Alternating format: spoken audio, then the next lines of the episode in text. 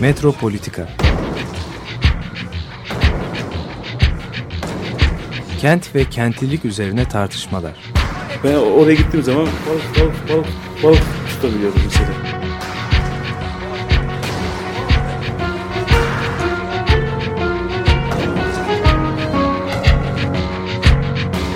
Hazırlayıp sunanlar Aysin Türkmen, Korhan Gümüş ve Murat Güvenç.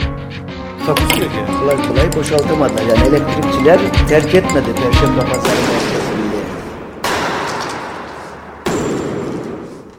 Merhabalar değerli Açık Radyo dinleyicileri. Merhaba. Ee, bugün e, şehrin bu sanat e, hareketliği üzerine konuşmaya devam edelim istersen. Çünkü hem Bienal ön izleme e, programı bitti ve arkasından açılışı gerçekleşti geçtiğimiz hafta sonu. Ama ondan önce e, e, 20 Eylül'ü e, hatırlatmadan geçmeyelim. ona da geleceğiz Bu tabii. cuma günü Evet. e, boykot var, iklim boykotu var. Greta'nın e, önderliğinde e, bu boykota katılıyoruz. Özellikle de okulları e, davet ediyoruz. Okullardaki öğrencileri, e, şirketleri, kurumları, tiyatroları, sanat merkezlerini, kafeleri, bir sürü yeri e, bu e, boykota davet ediyoruz. Evet bu e, okullardan başlaması çok anlamlı çünkü yani genellikle şeyden hep e, maddi emek e, ve şey üzerinden parasal sermaye iktidar üzerinden şey yapılırken şimdi okullar e, işin içinde yani okulların aslında bilgi üreten kurumların işlevinin yön değiştirmesi. Bu yani 68 hareketini biraz çağrıştırıyor bu açıdan değil mi? Evet. Yani bu bilgiyle şeyin iktidarın olan ilişkisi. Çünkü bilgi e, insanların kendi gelecekleri üzerinde bi- bilgi sahibi olmaları, görmeleri ve ona göre eylemliklerini etkiledikleri bir alan. Yani bilgi yönelimli bir şey e, içinde yaşıyor insanlar ve bunun en önemli e, kurumları da tabii eğitim kurumları. Eğitimin yönünün değişmesi, eğitimin yapısının değişmesine de yol açacak bir şey gibi bu karşılaştığımız e, durum ve o yüzden de çok anlamlı eğitim kurumlarının ve te- tersten başlaması, iktidar dışından başlaması. Yani eğitimin içindeki söz sahibi insanlardan değil, asıl eğitimin nesnesi olarak görülen, işte eğitilen insanların bu konuda konuşuyor olması ve kendilerini özne, nesne olarak değil, özne olarak e, sürece katmaları çok değerli. Tam e, biz bu programı e, başladık. Atlas karşımda oturuyor, karşımda duruyordu. E, Atlas gibi, Greta gibi bir de çok genç neslin hani bu, bu konuda e, aktif olmasının çok önemli olduğunu düşünüyorum. O yüzden hani ne kadar küçük olursa çocuklarımız onlarla beraber katılmak daha da önemli. Yani en minik e, yani bebekken bile başlayan bir süreçten e, bahsediyoruz. Yani hani 68 düşünürsek üniversiteydi ama artık şimdi lise, ortaokul hatta ilkokul. E, Evet. yani işte Aliş benim oğlum 7 yaşında. Geçen sene katıldığımız e, boykota kendisi pankart, pankart hazırladı ve inanamadım hazırladığı pankarta. Hakikaten çok hoş bir pankart hazırladı. Yani çok farkındalar aslında ne, ne olduğunun çok farkındalar. Dolayısıyla hani ne kadar e, küçük olursa olsun hep beraber katılmak çok önemli. Evet şimdi bu şeyde yani bireyler, e, toplum nasıl bir şeydir? E, kendilerine verilmesi gereken görevlerden mi o insanlar ibarettir kamusal sorumlulukları? Yoksa kendileri özne olarak bu kamusal süreçlere katılırlar mı? Temelde aslında böyle bir değişim var. Yani bildiğimiz kamu düzeni yani e, diyelim ki e, işte böyle 19. yüzyıl sonunda falan gerçekleşen bir e, kamu sistemi milli eğitim diyor. Yani eğitim veriyor insanları işte yurttaş yapıyor. Onlara doğruları, iyileri, güzellikleri öğretiyor. Oysa ki şimdi başka bir şey var. Yani o kamu sisteminin içinden eğitimle verilen bir şey değil. İnsanların özne olarak bir dakika deyip biz bu eğitimin aslında parçası da olmak istemiyoruz diyorlar. Yani biz başka bir şeyler var, başka sorunlar var. Dolayısıyla biz bunlara da işaret edilmesi gerektiğini düşünüyoruz diyorlar ve et, çok da etkili oluyorlar. Yani bu ters yüz oluş e, bildiğimiz kamu sisteminin aslında e, insanları nesneleştirici edilgin kamu sistemi yani edilginleştiren mesela İstanbul'un planları hazırlanıyor yıllardır hazırlanır master planla işte İstanbul'un kuzeyi korunacak şöyle olacak böyle olacak ama hiçbir zaman da olmuyor. Peki bu planları kimler hazırlıyor? Bizim adımıza karar veren bir takım insanlar ve hiç kimse demiyor ki ya peki çok doğru şeyler söylüyorlar ama Bunlar ama herkesin bilmesi gerekmiyor mu? Bunların içinde insanlar var yok mu yani? Sadece edilgin nesneler mi? Değil mi? Bu nesne olarak insan.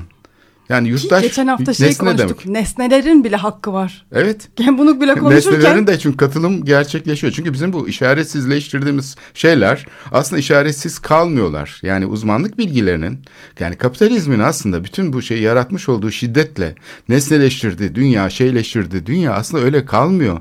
Bu çok açık. O izlerini tekrar başka şekillerde aynı şiddet mekanizmanın içinden geçirerek iktidar alanına yansıtıyor ve bunun karşılığı çok daha büyük bir yıkım, büyük şiddet, büyük felaket oluyor. Yani keşke yukarıdan bakanların, tepeden bakanların söyledikleri kadar kolay olsa bu iş. Düzenlenebilir olsa bu kadar kolay dünya. O zaman zaten bizim hiç katılmamıza gerek yok. Bir, bir insanların, canlıların, cansızların burada zaten şey yok. Onlar bütün dünyayı gayet güzel yönetirler. Ama bunun imkanı yok çünkü insani olan şey ve canlıların aslında bütün şeyi nesneler de öyle ki nesnelerin devreye girmesi burada çok ilginç. Hiçbir şekilde öyle durdukları gibi durmuyorlar. Yani bir köprü yapıldığı zaman çevresinde imar hareketleri başlıyor. Yani bir ulaşım aracı değil. Yani uzmanların bize gösterdikleri gibi olmuyor hiçbir zaman.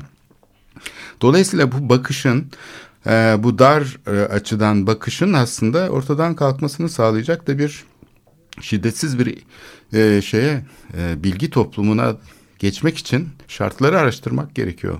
Burada e, e, hani ağızlara pelesenk olmuş katılım, katılıyoruz, katıyoruz, işte katılmamız lazım falan e, lafının hani e, genişliğini de tekrardan düşünmek gerekiyor. Hani dedik ya yani çocukların da hani artık çok başka bir katılımla var oldukları süreçler ve organizasyonlar da hani o anlamda da bu iklim boykotu çok önemli. Yani çocukları, bebekleri de katıyor. Çünkü bebekler de bir sürü şeyin farkına varıyor. Yani iki yaşından itibaren çok ciddi kapasitelere sahipler. Eğer bugün ağaçları, işte denizleri, balıkları e, düşünüyorsak bu katılımın bir parça. Çocukları da, bebekleri de bunun içinde hani hakikaten nasıl katılabiliriz, nasıl fark farklı bir şekilde yeniden organizasyonlar düzenleyebiliriz diye de düşünmemiz gerekiyor ve bu bu anlamda bu geçen sene de olan ve bu senede olan bu eylemler çok çok önemli. Çok başka türlü hakikaten bir e, farkındalık hepimiz için yaratıyor. Yani biz de çocuk diye bakıyoruz yani çocuklarımız özellikle veliler çocuk ama hayır. Yani bu katılımın en önemli özneleri çünkü gerçekten onların dünyası. Şimdi buradan bu e, işte sanat hareketliğiyle ilgili şeylere de kavramlara da istersen dokunalım. Çünkü buraya da gelerek ve tam da bu konuyu sorgulayarak mesela biz geçen hafta bu antroposen kavramını sorguladık, tartıştık biraz. İnsan yapımı etkiler yani bu insan meselesi. Şimdi burada benim kafamdaki soru şu açıkça onu söylemek istiyorum. Demin konuştuklarımızdan hareketle. İnsan deyince sanki bunları insan yapıyormuş gibi söylüyoruz. Oysa ki insan değil belli bir iktidar düzeni yapıyor. Belli bir örgütlenme biçimi yapıyor bunu. Yani biz hep doğanın üzerinde insanın etkilerinden söz ediyoruz. İşte 7 milyon tonluk bir kıta oluştu. Şu kadar zaman 3 şöyle mi milyon metrekare falan. Bunu Kapi- insan yaptı. O zaman Kapitolo sen. Kapitolosen. Kapital- Antroposen değil kapitolosen işte bu kavramı atıyorlar ortaya. Çünkü insan yapımı demek işi çok masumlaştırıyor. Sanki insanlar dünyaya geldiler ve onlar işte böyle etkiler yarattılar. Hayır. İnsanların yaptığı bir etki evet gözüküyor bu. İnsanlar yapıyor bunu ama hatta belki de sadece iktidar aygıtı içinde yer alan insanlar ya da bu şeylerden fırsatçılar ya da işte imkanların kendi şeylerine çıkarlarına alet edenler bunlar değil. Doğayı doğa kırımını yaratanlar, insani kırımları yaratanlar. Sadece bunlar değil. Belki ezilen insanlar da bu kırımın içinde tabii ki. Ama bu de sistemin geniş ki, geniş nüfus. ki yani. evet. Yani onlar da bu işe dahil oluyorlar ama bu şiddetin, bu yaratılan yıkımın şeyini insani yapım olarak adlandırmak bence çok yetersiz. Çünkü insani olan bir şey evet ama bunun daha adını koymamız lazım. Yani biz dünyanın sonunu hayal edebiliyoruz ama kapitalizmin sonunu hayal edemiyoruz. Yani asıl burada problem var Mark Fisher'in dediği gibi.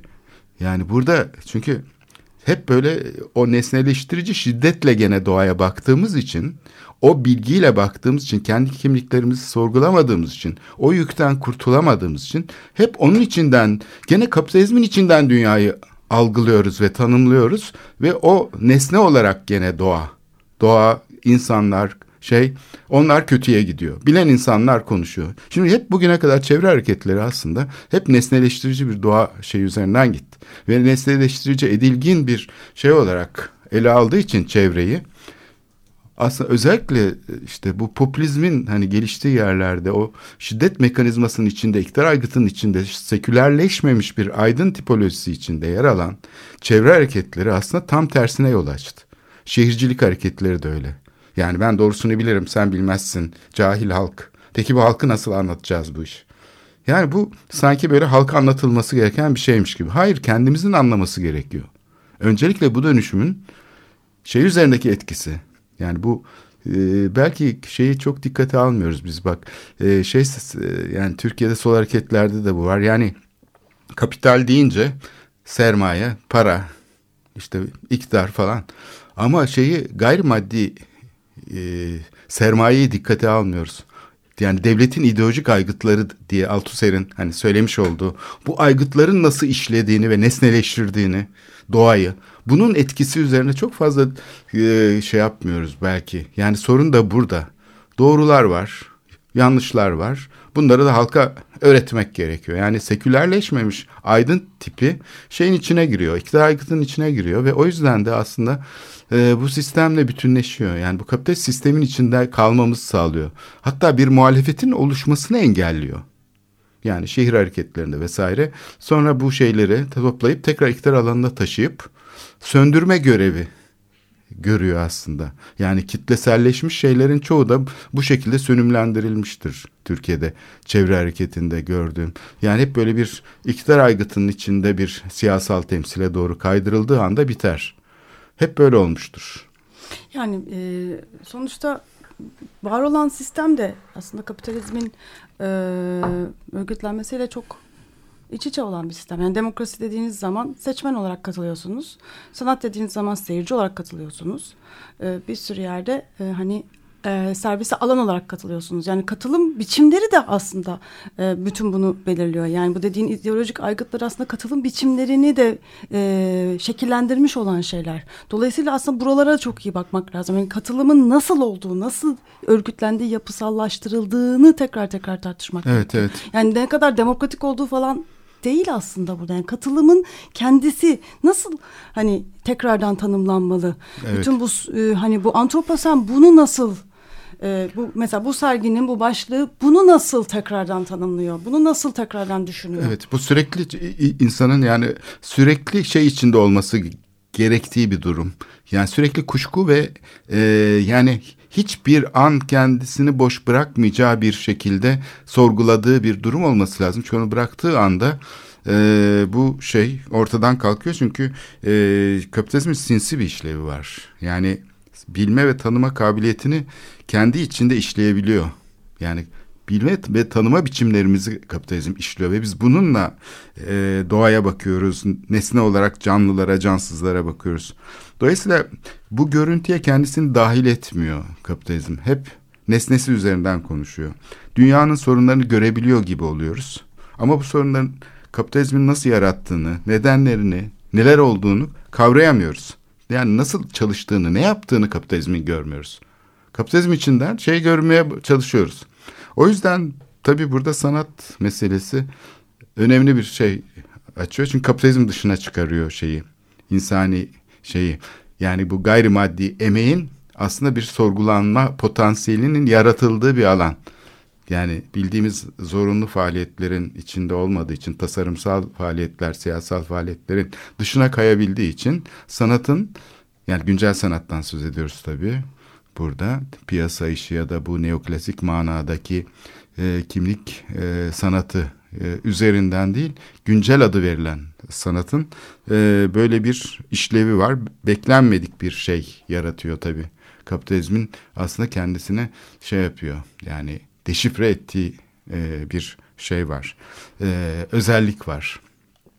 Kapitalizm dışı çünkü şeylerle e, aslında ortaya çıkıyor ve onu kapitalizm ehlileştirmek için yöntemler arıyor. Bunlardan bir tanesi yani güncel sanatın kendisi adı bir kere. Yani güncel ne demek? Şimdi güncel sanat, güncel sanat kullanıyoruz. Güncel deyince Hani günümüzün işte şimdiki sanat yani bu anın bu neye getiriyor? Yani bir tarz gibi gösteriyor. Aslında burada ehlileş... moda, moda şeyi de moda, var değil mi? Evet stilleştirme şeyi. Evet. Yani her Günü dönemin... yakalayan. Evet, her dönemin kendine ait bir şeyi var, tarzı var, işte alışkanlıkları var. E İşte dönem değişti, modern zamanlara geldik. İşte bu zamanın şeyi de, çağdaş e, olan şey de, işte bu güncel sanat yani. Böyle bir ehleştirme şeyi var. Sanatı bir e, tarz olarak, bir stilistik şey içine sokarak, yani sanat da zaten işte böyle bir anlayıştır. Birinci şey bu. Bu güncel meselesi tabii e, çok tartışılan bir konu. Aslında güncel ne demek? Güncel yani işte bugüne uygun. Ee, şimdi de artık böyle şeyleri tüketmemiz gerekiyor falan. Yani bir yandan güncel e, kapitalizmin e, en önemli unsurlarından bir tanesi olan moda kavramını yani böyle herkesin özendiği, olmak istediği, e, takip etmek istediği bir şeyi e, hani çok içeriden hani tekrardan üretiyor güncel kavramında böyle bir şey var. Diğer yandan e, başka bir potansiyel de var. Yani günde olmak, güncelde olmak, gün günden dolayı e, hani hayata bakmak bir yandan da çok devrimsel bir şey. Çünkü kolay değil, hiç kolay değil. Yani Değil. genelde geçmişe ya da geleceğe endeksli yaşıyoruz. Günün içinde olarak şu anda ne oluyor, ne yapabiliriz, nedir halimiz dediğimiz andan itibaren devrimsel bir potansiyele sahip. Yani bu ikisi, ikisi aslında aynı kelimenin içinde güncel sanatın çok e, herhalde tartıştığı no- noktalardan bir tanesi. Yani bu Mesela çağdaştan o anlamda daha şey yani çağdaş deyince böyle bir hani bir modernist proje hemen akla geliyor. O daha sanki ideolojik şeylerin içine yerleşiyor. Ama güncelde hala yani günle ilgili günün potansiyellerini tekrardan düşünmekle ilgili devrimsel bir güç var. Burada çok anlamlı bir şey olduğu kesin. Yani birçok insan e, güncel kavramını aslında böyle kullanıyor. Yani bir şey günümüzün şeyi falan. Bir de bu e, şeyin zaman meselesinin şeyin kenarına koyarak yani zamanı kim gündeme getirdi? Aslında 19. yüzyılda biraz e, sanat tarihçileri gündeme getirdi. Yani sanat böyle evrilen bir şey. Geçmişten günümüze doğru geliyor. Mimarlık da öyle. İşte dö- her dönemin kendine ait stilleri var, tarzları var. Bu da günümüzün yani işte endüstri e, şeylerin devrimi sonrasında ortaya çıkan yeni koşulların sanatı ve mimarlığı. Viole Ludwig'ün mesela bu şey hep e, altını çizdiği konu. Her dönemin kendine bir ait mimarlığı ol- olduğu halde 19. yüzyılın neden yok diye sorup duruyor adamcağız. Yani çünkü niye 19. yüzyılda her şey temsil edilebilir hale geliyor. Her şey çizilebilir hale geliyor. Her yerde istersen git bir Japonya'daki bir evi şey yap, çiz getir Paris'in göbeğinde yap. Şimdi bu taşıma, bu şey yapılabilir. İmgelerin aslında e, karşılıklı olan yerle olan ilişkisinin imgelerin birdenbire e, dolaşabilir hale gelmesi yani bir tür temsil üzerinden hareket etmeye başlaması aynı zamanda onların hazır yapıma dönüşmesini getiriyor. Aslında kimlikler de öyle.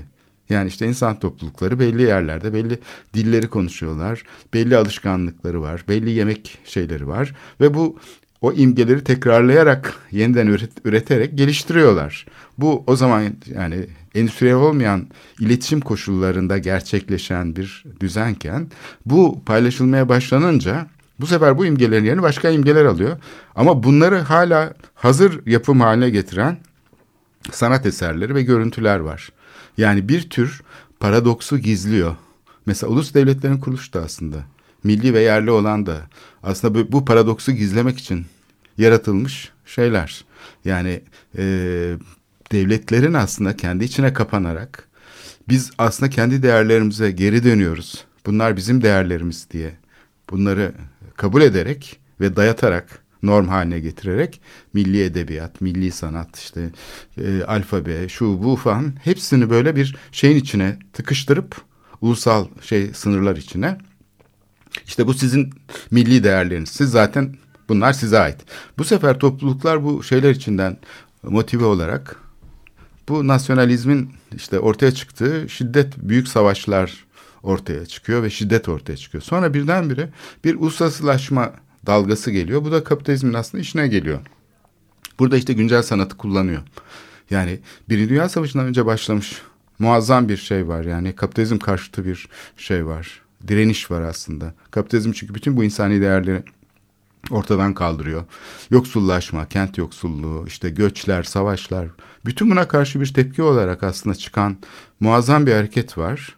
Ve bu zaman zaman aslında kapitalizmin kendi şeyi tarafından ehlileştirme araçlarıyla tekrar sisteme dahil ediliyor ve sistem bununla kendini aşılıyor aslında bir bakıma.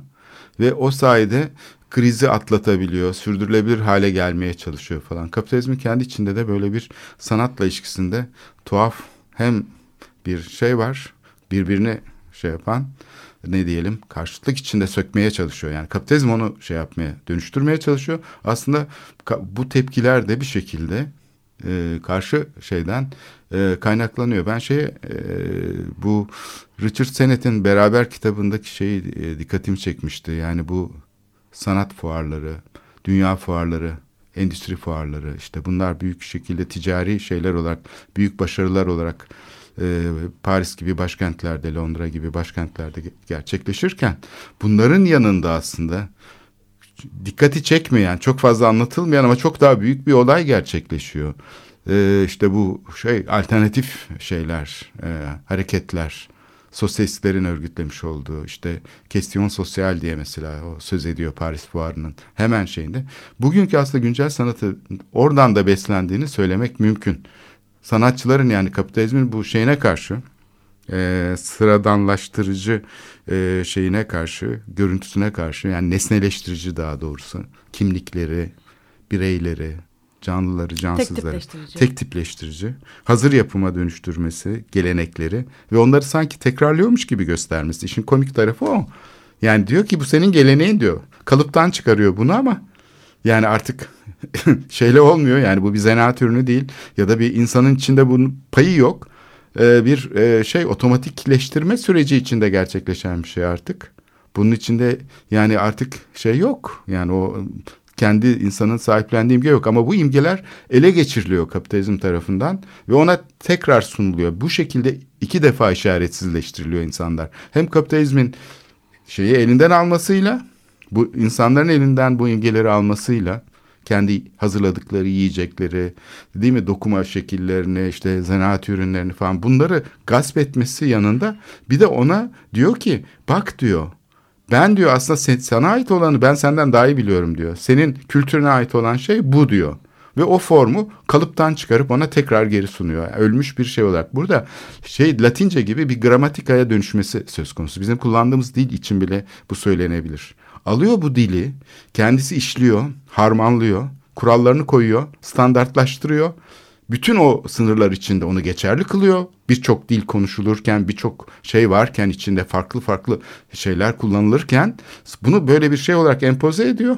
Bir taraftan da bunu sunarken onu bir şey olarak bak bu senin dilin diyor. Şimdi bu dili biz kullanırken aslında bir hazır yapımı, bir gramatika yani Latince gibi şey olmuş artık ölü bir dil haline gelmiş olan kurallar silsilesiyle kendi gündelik hayatımızdaki canlı olanı birbirine eklemlemek zorunda kalıyoruz. Ki o bizim hayatımızı düzenliyor. Aslında bunu biraz daha genelleştirip bütün hayatın kendisine yayabiliriz. Şehir planları da öyle mesela. Gündelik hayatın onlar bir üst dili. Değil mi? Orada bir işte nasıl olacak, ziyaretçiler nasıl olacak, ulaşım nasıl olacak, şu bunlar tanımlanıyor. Bunların hepsi orada tanımlanırken biz gene kendi hayatımızı yaşıyoruz. Ve onunla etkileşim içinde olan bir şeydeyiz. Fakat bunu fark etmiyoruz. Çünkü orada bir takım kararlar alınabiliyor. Bu kararları uygulamak için de elinde bir şiddet mekanizması var. Paldır küldür bir mahalleyi yıkabiliyor. Dozer geçiyor, yol geçiyor. İşte bu yolun genişletilmesi lazımdı. İşte siz e, şuraya gideceksiniz, biz buraya villalar yapacağız diyebiliyor devlet. Yani bu şekilde şehir hayatını aslında belirleyebiliyor. Dolayısıyla bu hazır yapımları şey olarak adlandırabiliriz neoklasik dünyanın kendisi. Sanki bizim hayatımızı ödünç almış bir şey burada, temsil şey var. İşte sanatın ben burada bir potansiyeli olabileceğini düşünüyorum. Tam da belki bu anlamda e, aslında e, Biennale'in e, şu anda gerçekleştiği bekan çok ilginç. Yani yıllardır yani Karaköy'le e, denizle hiçbir alakamız kalmadı. Hiçbir alakamız yok. Evet. Kapandık gitti yani koskoca yani kilometrelerce alan kapandı. Şehrin merkezi burası işte. Şehrin yani merkezi. Şey de değil hani bir askeri bölge değil. En e, hani Taksim, Hı. Beyoğlu, E, Tophane bütün bu bölgenin denizle olan ilişkisi kapandı yani. Hani olacak iş değil aslında. E, ve bir yandan da yani ironik bir şekilde aslında beşinde antropoda hani bu olması bir şekilde gene senin dediğin şeyin aslında mekansal şekilde pek de aslında hani planlanmadığı şekilde de yani oluyor yani bu. Hani gene denizle ilişkiyi sanat kuruyor. Hani bu da Ama burada işte bir, bir noktasını da hafif bir gösteriyor şey yani. var işte zaten orada bir çatlak var. Yani orada bir sus payı var. Yani bir, bir entelektüel orada evet, dünyaya verilmiş bir ödün gibi bakılabilir. Şimdi ticari olarak Ve bakan Kasım'da gene kapanıyor. Hani Evet. aslında o da çok ilginç. gene Hani kapanıp bir- birkaç hani sene sürecek. Bir buçuk ay değil mi? Hani Bienal süresince bir şöyle bir hani şey pencere gibi açılıyor. Sonra tekrar kapanıyor. Bakalım artık kaç sene sonra tekrar açılır. Çünkü yıllardır açılacağı söyleniyor ve açılmıyor. Şimdi tersaneler için de aynı şey geçerliydi. Neyse tersane konusunu tartışmayı kapatacak bir formül bulundu ve asbest e, şeyiyle yer değişikliği sağladı. Burada tabii e, küratör epey zorlandı. Çünkü onun yapmış olduğu tasarım son dakikada değişti. Nicola Brion'un tasarımında çünkü böyle bir ikili yapı var anladığım kadarıyla ve bunu tersane içinde yerleştirmiş. Fakat başına ne geleceğini tabii bilmiyor adamcağız. Çünkü burada e, öyle bir şey var ki yani tersane hala hafızalarımızda canlı. Daha düne kadar çalışan bir yerde. Hala orada çalışmış insanlar şu anda o mahallede yaşıyorlar. Yani şehrin sosyal dokusu içinde. Bu ekonomik şeyler o kadar basit şeyler değil. Ha mekanın şimdi şeyi değişti. Burası tiyatro sahnesi. Şimdi yarın da şöyle bir şey yapalım. Hayır öyle değil. Çünkü o doku onun için oluştu orada. O insanlar onun için orada o mahallede varlar. O yapının siyasal tercihlerini bile belirleyen şey aslında bu ekonomik koşullar. Dolayısıyla böyle bir e, şeye biz işlevini yitirdi burası. Hani şimdi buraya yeni bir şey sanat yoluyla yaklaşalım dediğin anda mu- muazzam bir şey oluyor. Sarsıntı ortaya çıkıyor ve bu sarsıntıyı bence hissettiler. Yani bir takım işaretler ortaya çıktı. Yani tepkiler olacak falan filan diye çekindiler bence. Sadece asbest e, nedeniyle değil ama asbest gerçekten iyi bir formüldü. Çünkü bir gerçek başka bir gerçeği gizlemek için çoğunlukla kullanılır ve e, bence e, çok da hatalı bulmuyorum e, bu yapımı. Diğerini sonra konuşalım istersen. Ne dinleyelim? Evet. Ee, Outside My Door. Evet. Kimden dinliyoruz? Ken. Tamam. dinliyoruz. I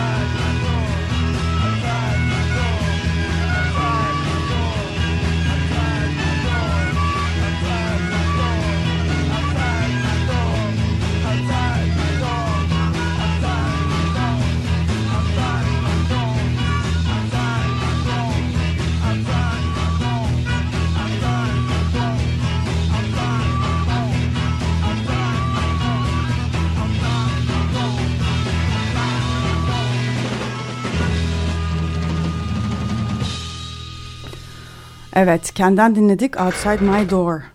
Ee, programımızın ilk bölümünde e, sanat mekanlarından bahsetmeye başladık. Sanat ortamlarından, katılımdan bahsettik. Ee, biraz e, daha spesifik bir şekilde e, Biennale'in ana mekanı olan Resim Heykel Müzesi'nden e, bahsetmek istiyoruz bu, bu ikinci yarıda. Ee, şimdi e, Resim Heykel Müzesi çok enteresan e, bir e, yani müze açısından değil kendi binanın tarihçesi açısından çok enteresan e, e, Bütün diğer müzelerden çok farklı gösteriyor. değil mi?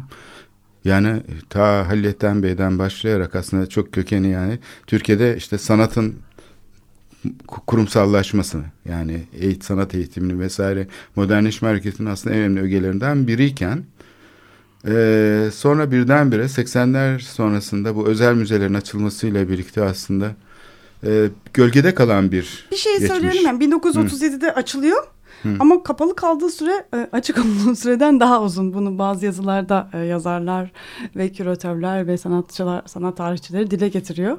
E, yani sürekli kapalı. Yani bu da bir sürü şey anlatıyor aslında belki.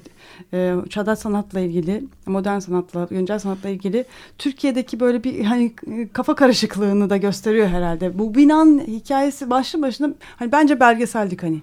Gerçekten bir sürü şeyi anlamak açısından metaforik bile değil yani. Direkt anlatıyor zaten. Hani metafor olmasına gerek Evet. yok yani. AKM hikayesinden daha ilginç bir hikaye. Yani bu devletin kültürle olan, sanatla olan ilişkisi meselesine geliyor. Çünkü başlangıçta böyle bir sorunsal yok. Zaten sanat dediğin devletle iç içedir. Yani devlet modernleştirici güçtür. Onun için de yani işte o entelijansiya zaten devlet iktidarını kullanır. Onlara sorulur zaten. Yani bir yere bir heykel yapılacaksa, yeni bir proje yapılacaksa falan onlara soruluyor. Yani o devlet entelijansiyasının içinde akademi kurumu da. Fakat eee, sonra ne oluyor? Yani bu şeyler mesela süreklilik olmaması yani işlevini yitirmiş hava gazı fabrikası gibi kalıyor. Yani çünkü muazzam bir koleksiyon var. Muazzam bir kapital var elinde aslında. Hiçbir özel müzede olmayan bir şey var. Yani e, parayla ölçülemeyecek. Hani özel müzeler çünkü hani böyle bir tablo alıyorlar falan kıyamet kopuyor işte şu kadar para ödendi falan filan deniyor. Burada parayla ölçülemeyecek bir şey var ve hiç de kıymeti bilinmemiş yani kenarda depolanmış duruyor. Ama bir sanat kurumunu bu bürokratik yapıyla yönetemiyor akademi. Yani açıkçası e, problemin şeyi çok boyutu var. Yani ekonomik nedenler var, şunlar bunlar ama Bir de şeyde bahsetmekte fayda var. Yani 1937'de Veliaht Dairesinde, Dolmabahçe Veliaht Dairesi'nde resmiyet kazanıyor. Ama Atatürk işte İkinci orayı Dünya veriyor. Savaşı nedeniyle 1939'da kapanıyor. 1951'e kadar kapalı kalıyor. kimse de ne oldu bizim müze falan demiyor. 1951'den sonra açılıyor. Bu sefer 1976'da tekrar kapanıyor. 76'da. 76'da kapanıyor. 1999 depreminden beri eee, her yıl açılacağı söylense de 2012 yılında Dolmabahçe Sarayı Veliaht Dairesi'nden çıkarılıyor. Evet o da büyük tartışmalarla oluyor. Çünkü uzun süre direniyor tabii çıkmamak için. Fakat sonunda e, bir anlaşma oluyor. Yani yukarıda yapılan bir anlaşma, en üst düzeyde yapılan bir anlaşma.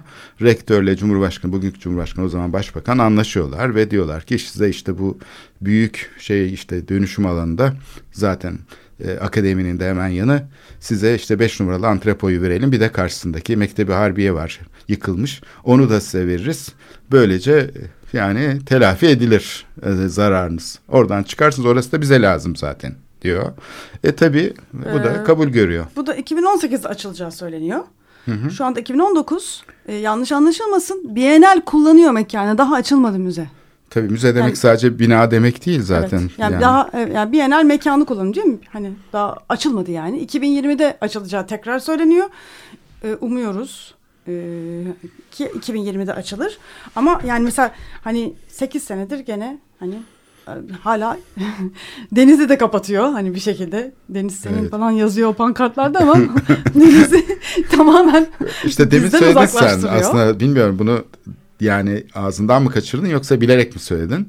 Hani e, işte sanatın böyle bir şeyi var. Hani e, durumu Allah'tan Bienal var da bir pencere açıyor. Orada oraya Deniz'e. sanatı koyu veriyorlar. Niye? Çünkü yani şehrin merkezinde duvar gibi kapatan, şehri bir hapishane gibi çerçeveleyen yıllardır bir antrepolar var. Endüstriyel alan ve kullanılmadı burası. Yani endüstriyel alan olarak da işlevini 70'lerde bitirmişti zaten Boğaz Köprüsü yapıldığında. Ve burası on yıllarca neredeyse böyle yarım asıra yakın bir süre hapishane gibi kapalı kaldı. Orada işte sanat etkinlikleriyle ufak tefek şeylerle zaman zaman bir kiralama yöntemi kullandı devlet. Türkiye Denizcilik İşletmeleri daha doğrusu yani Ankara'daki bir kuruluş. Yani İstanbul'un kıyısını pazarladı. Şimdi ise muazzam bir pasta tabii burası. İstanbul'un en değerli arazisi. Burada bir kentsel dönüşüm yaşanıyor. Muazzam bir şey operasyonu. Çünkü başka bir formül de akıllarına gelmiyor. Burayı nasıl yönetiriz? Nasıl burası şehrin kamusal hayatına geri kazandırılabilir diye kimse soruyu sormadı. Yanında Türkiye'nin en eski mimarlık ve şehircilik okulu var yani. Kimse bu soruyu sormadı. Ancak bu sistemin içinde demin konuştuğumuz bu e, ehlileştirici mekanizmalardan biri hayırseverlik. Şimdi buraya İstanbul Modern yerleştirilmişti. Şey, tekrar geri gelecek. Tophane'deki panolardan gördüğümüz kadarıyla Renzo Piano'nun gerçekleştireceği bir projeyle henüz daha bu projenin imalatı başlamadı. Yani proje büyük ihtimalle tamamlanmış olmalı. Ancak inşaat başlamadı. Dolayısıyla bu daha sonra gerçekleşecek. Ama şu anda gerçekleşen bir şey var. Gayet net bir şekilde. 5 numaralı antrepo ve önündeki ofis binaları yıkıldı. Bunun yerine e, Emre Ar- Arolat'ın tasarımını yaptığı işte bugünkü Bienalinde 16. Bienalin ana mekanı olarak kabul edebileceğimiz bu e, bina yapıldı. Dolayısıyla bu e, kullanım biçimi aslında bir şeyin işareti. Yani bu çevredeki dönüşüm içinde sanat e, yer alıyor. Yani sanatta da bir yer açılmış oluyor. Bu arada Veliaht Dairesi'ndeki e, yer açıldı değil mi? Orada da bir bölümü var şu anda değil mi? Osmanlı Resim Müzesi. Ama o işte bildiğimiz koleksiyon değil. O Bir kısmı eski Şimdi- eski eski resimler var. ya o işte saraylara ait olan, milli saraylara Evet. ait olan bir yapı Evet. olarak kullanılıyor. Buradaki dinamikle hiç alakası yok. Yani akademinin sanat dinamiği bambaşka bir dinamik. Oradaki devletin kendi elindeki şeyi değerlendirme biçimi, sanat şeylerini, resimlerini falan o başka bir şey. Yani İşte aslında çok başka mı Müzecilik acaba? anlayış. Beraber düşündüğümüzde nelerle hani ne nasıl muhayyilemizi açıyor yani hani neler olduğu ile ilgili çok daha ilginç bir fikir burada bir veriyor. laboratuvar Yani olabilir burası. Bir dönemki hani böyle Osmanlı resim bizim diye hani böyle tırnak içinde bizim dediğimiz şeyleri hani do- sarayın içinde yer alıyor. Ama e, hani güncel olan, hani çağdaş olan, hani modern olanları ki hepsi modern e, çok büyük ihtimalle. E, bütün bunlar hani e, şu anda e, bu büyük Kara- Karaköy limanı inşaatının parçası olarak e, tanımlanıyor. Adını koyalım istersen bu işin. Sen çok iyi yaptın bunu söylemekle. Bir tanesi bizim hayali Osmanlı geçmişimizi sergileyen resimler. Bir tanesi de Cumhuriyet tarihini sergileyen resimler. Yani biraz kaba oldu bu içinde çünkü karışıklıklar var. Yani Karışmıştır. Karışıklıklar oluyor. Neotoman e, akım şeye de akademide yok değil var tabii yani bu zaten e, şey tamamen onun üstüne kuruluyor ilk başlangıçta. Yani Valori'nin kozmopolit e, sanat anlayışının yerini milli sanat anlayışı aldığında Monjeriler işte falan e, akademi zaten bunun temsilcisi. Yalnız Ankara hükümeti kurulduktan sonra 30'lardan sonra yeni programını ilan etmeye başlayınca Orada bir kırılma noktası oluyor akademide. Birinci kırılma noktası herhalde 30'ların bu modernist programı. Ama sonraki kırılma ise çok daha güçlü bir dalga olarak geliyor. İkinci Dünya Savaşı sonrası kırılması Türkiye'nin siyasal hayatını alt üst ediyor. Yani bugün bile hala o alt üst olma sürecini yaşıyoruz. İkinci Dünya Savaşı'ndan sonra neoklasik devletlerin sökümü gerçekleşiyor. Yani tam anlamıyla UNESCO, Birleşmiş Milletler bilmem çünkü bu şeylerin bu yani faşizm demek oluyor. Bildiğimiz kapitalizm ulus devleti faşizm demek. Çünkü hiçbir şey yok. Nefes alacak hiçbir entelektüel alan bırakmıyor. Tamamen düz bir temsile dayalı. Şimdi bu paradoksu Türkiye Cumhuriyeti çok şey yaşıyor. Keskin bir şekilde kendi içinde yaşıyor. Savaşa girmediği halde sanki bir iç savaş halindeymiş gibi kendi içinde sürekli kimlik savaşları yaşıyor o tarihten sonra. İşte Rumların şehirden atılması şeylerin yani tekrar sanki Birinci Dünya Savaşı koşullarına Türkiye böyle girmiş gibi kendi içinde tuhaf şeyler yaşamaya başlıyor. Sarsıntılar bir taraftan da küresel bir liberal dalga sanat ortamını tanımlamaya başlıyor. Yani e, şey şehrin 1950'lerden sonra İstanbul'un adeta bir şey olduğunu söyleyebiliriz. Gene küresel bir başkent olarak nefes alıp vermeye başladığını söyleyebiliriz sanat alanında. Bu çok şey çok açık gözüküyor yani mimarlık alanında Çok açık gözüküyor. Yani hiçbir zaman kalkıp da milli ekonomi, milli sanat falan şeklinde gitmiyor İstanbul'un şeyi, sanat hayatı yani. Başka bir şekilde gerçekleşiyor bu entelektüel dünya. Çünkü sanat bu ağlarla iç içe e, olmasını sağlıyor şehrin. Bugün de öyle. Ben biraz hala şeydeyim Dolmabahçe'de kaldım ben. Veliaht dairesinden çıkamıyorum. Orası da bana şimdi e, çünkü hani sonuçta Topkapı'dan Dolmabahçe'ye geldikten sonra bambaşka bir e, hani e, boğaz üzerinde ve e, e, yeni kente e, yani e, işte Karaköy civarında oluşmuş kente yakın olan e, Dolmabahçe Sarayı'ndan artık idare edilen Osmanlı İmparatorluğu'nun içinde bu Osmanlı'yı tekrardan kurmakta da tabii bir çelişki var. Yıldız Sarayı da Hani Yıldız dahil Sarayı, edilmeli. Yıldız Sarayı çok farklı. Yıldız Sarayı değil ama Dolmabahçe. Değil tabii Yıldız ama- Sarayı'ndan çıkması zaten içine kapanması Abdülhamit'in çok anlamlı ama Dolmabahçe zaten e, imparatorluktaki tam modern e, bütün gelişmelerin hani aslında sembolü o anlamda zaten biçimiyle e, hani e, hiçbir şekilde geleneksel e, bir şey içermemesiyle de çok en- enteresan aslında Dolmabahçe Sarayı. Bunun içine aslında tekrardan sen Osmanlı bir kimlik gibi mi Osmanlı'yı kurmak o da çok tabii şey. Ama şimdi bu yani şey Olmuyor aslında hiç olmuyor yani hiç bir- oturmuyor mekanla aslında. Şimdi bu İkinci Dünya Savaşı'ndan sonra işte böyle bir iki tane şey hattı ortaya çıktı yani sanat hattı. Bunlardan bir tanesi hala bu yerli ve milli olan güçlü bir damar çünkü çok güçlü. İşte Fetih Cemiyeti falan zaten hani 500. yılını kutlamak için heykeller yapıyor, şunlar yapıyor, bunlar yapıyor. Böyle bir yeni Osmanlıcılık di- dip hareketi olarak var. Her zaman akademinin içinde de var. Hatırlıyorum yani o şeyler böyle e, işte Osmanlı sanatı, İslam sanatı falan Ama gibi şeyler. Dolmabahçe bunun yeri değil ama. Akademinin mi? bodrumunda yer alırdı. Onları üst kata çıkarmazlardı. Onlar böyle yeraltı örgütü gibi bastırılmış e, ideoloji olarak yani Cumhuriyet'in hakim ideolojisi üst katta, alt katta ise yani modernist olanlar alt katta ise biraz böyle bastırılmış gibi dururdu. Yani o de- dekoratif sanatlar yani tezyinatçılık falan filan hep işte bizim sanatımıza değer verilmedi falan derdi onun hocaları. Yani böyle bir akademinin kendi içinde bile bir dualizm vardı. Dolayısıyla aslında çok güzel bir yandan bunu yansıtıyor ama bir yandan da bu dualizmin içindeki çelişkileri yani bunun böyle hani olacak gibi değil. Yani mekanın kendisi bu çelişkileri kendiliğinden ele veriyor birazcık baktığımız zaman. Tabii. Yani hani buradaki hani e, hani e, Osmanlı tarihini okuyamamakla ilgili hani Osmanlı tarihine yaklaşımlarımızla ilgili çok fazla şey ele veriyor Evet aslında. ama şimdi burada yeni bir şey daha girdi. Üçüncü bir şey daha katalım istersen. Yani bu devlet iktidarı ve toplumsal tabakaları içinde, devletin eliti içinde iki tane şey var diye kabul edelim. Peki bu şey ne oluyor? Gelen şu güncel sanat meselesi. Yani ki sonuçta Resim Heykel Müzesi de bir şekilde şeye devrediliyor aslında. Bu dualist yapının içinden çıkıyor.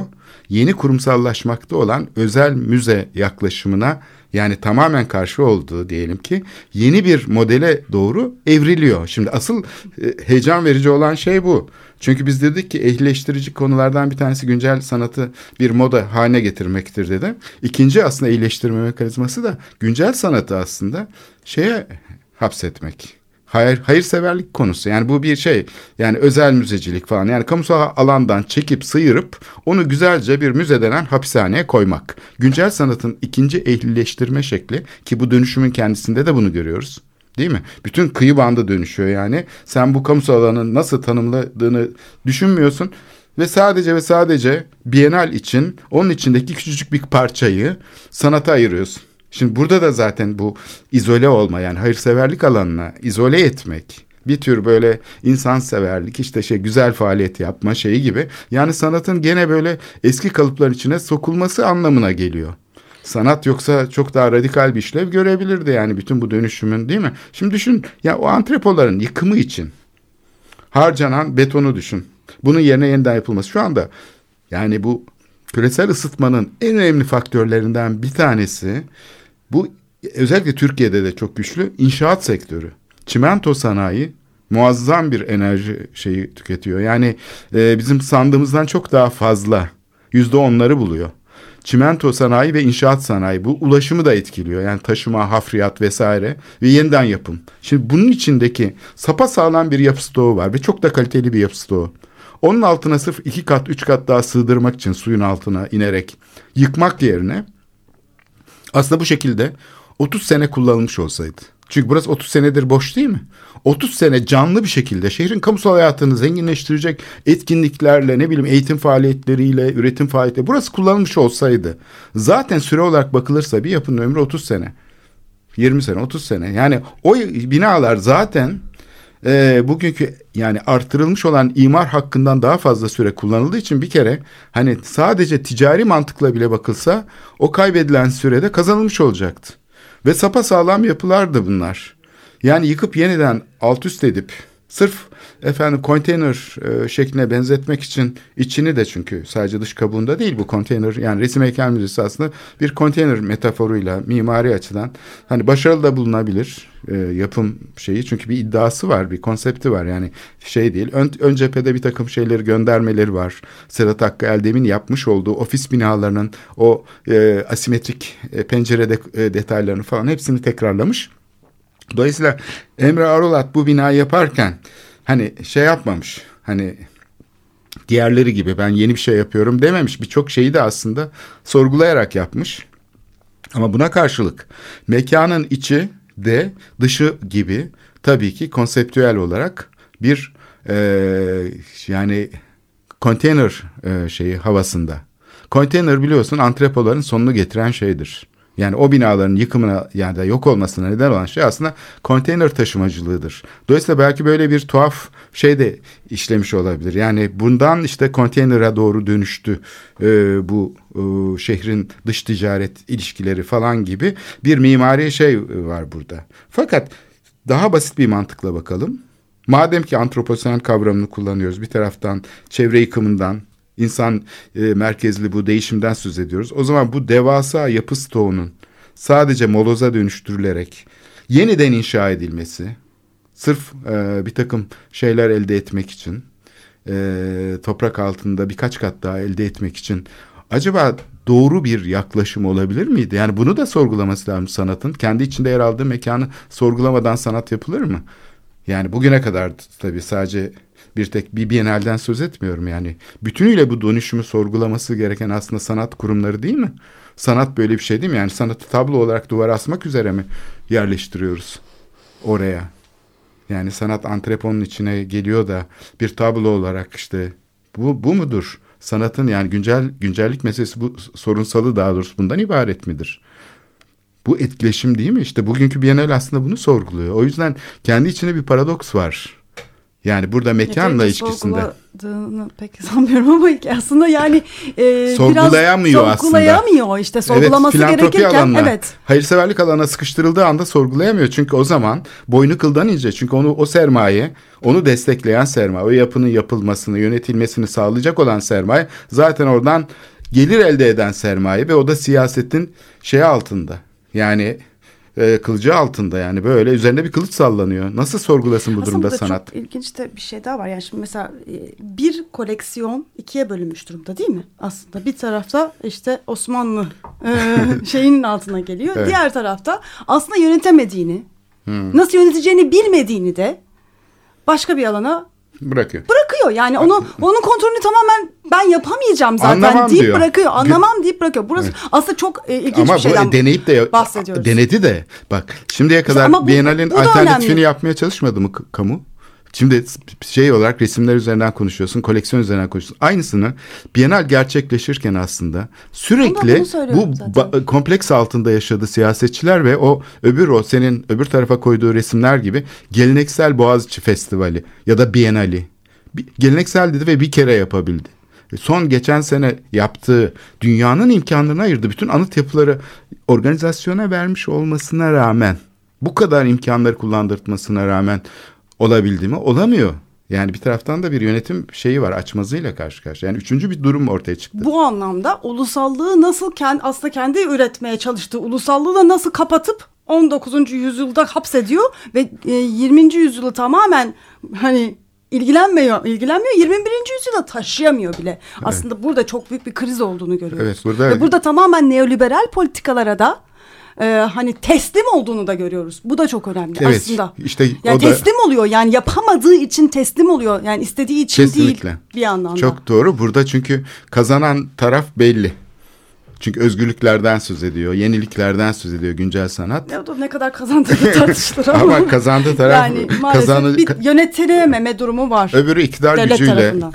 Evet iktidar gücü her zaman tabii kazanır. Kazanan taraf odur ama burada da bir şey var. Yani sürekli kendi şeyini alanını açan.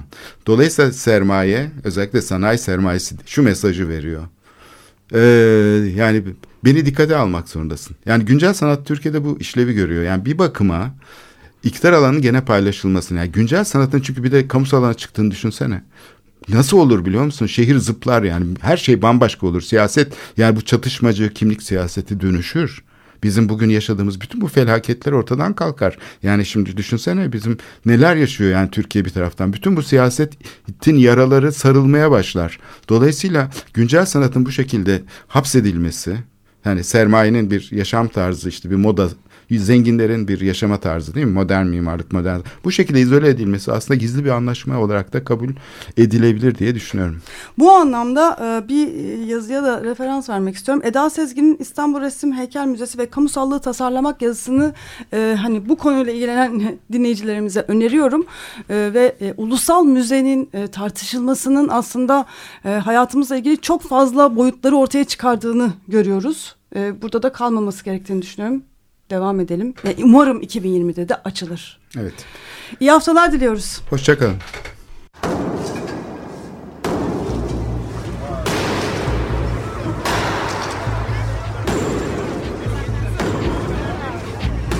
Metropolitika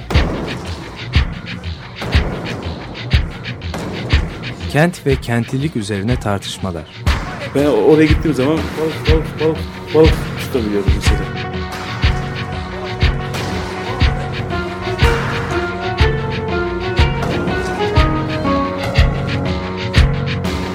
Hazırlayıp sunanlar Aysin Türkmen, Korhan Gümüş ve Murat Güvenç. Takusu yok yani. Kolay kolay boşaltamadılar. Yani elektrikçiler terk etmedi Perşembe Pazarı.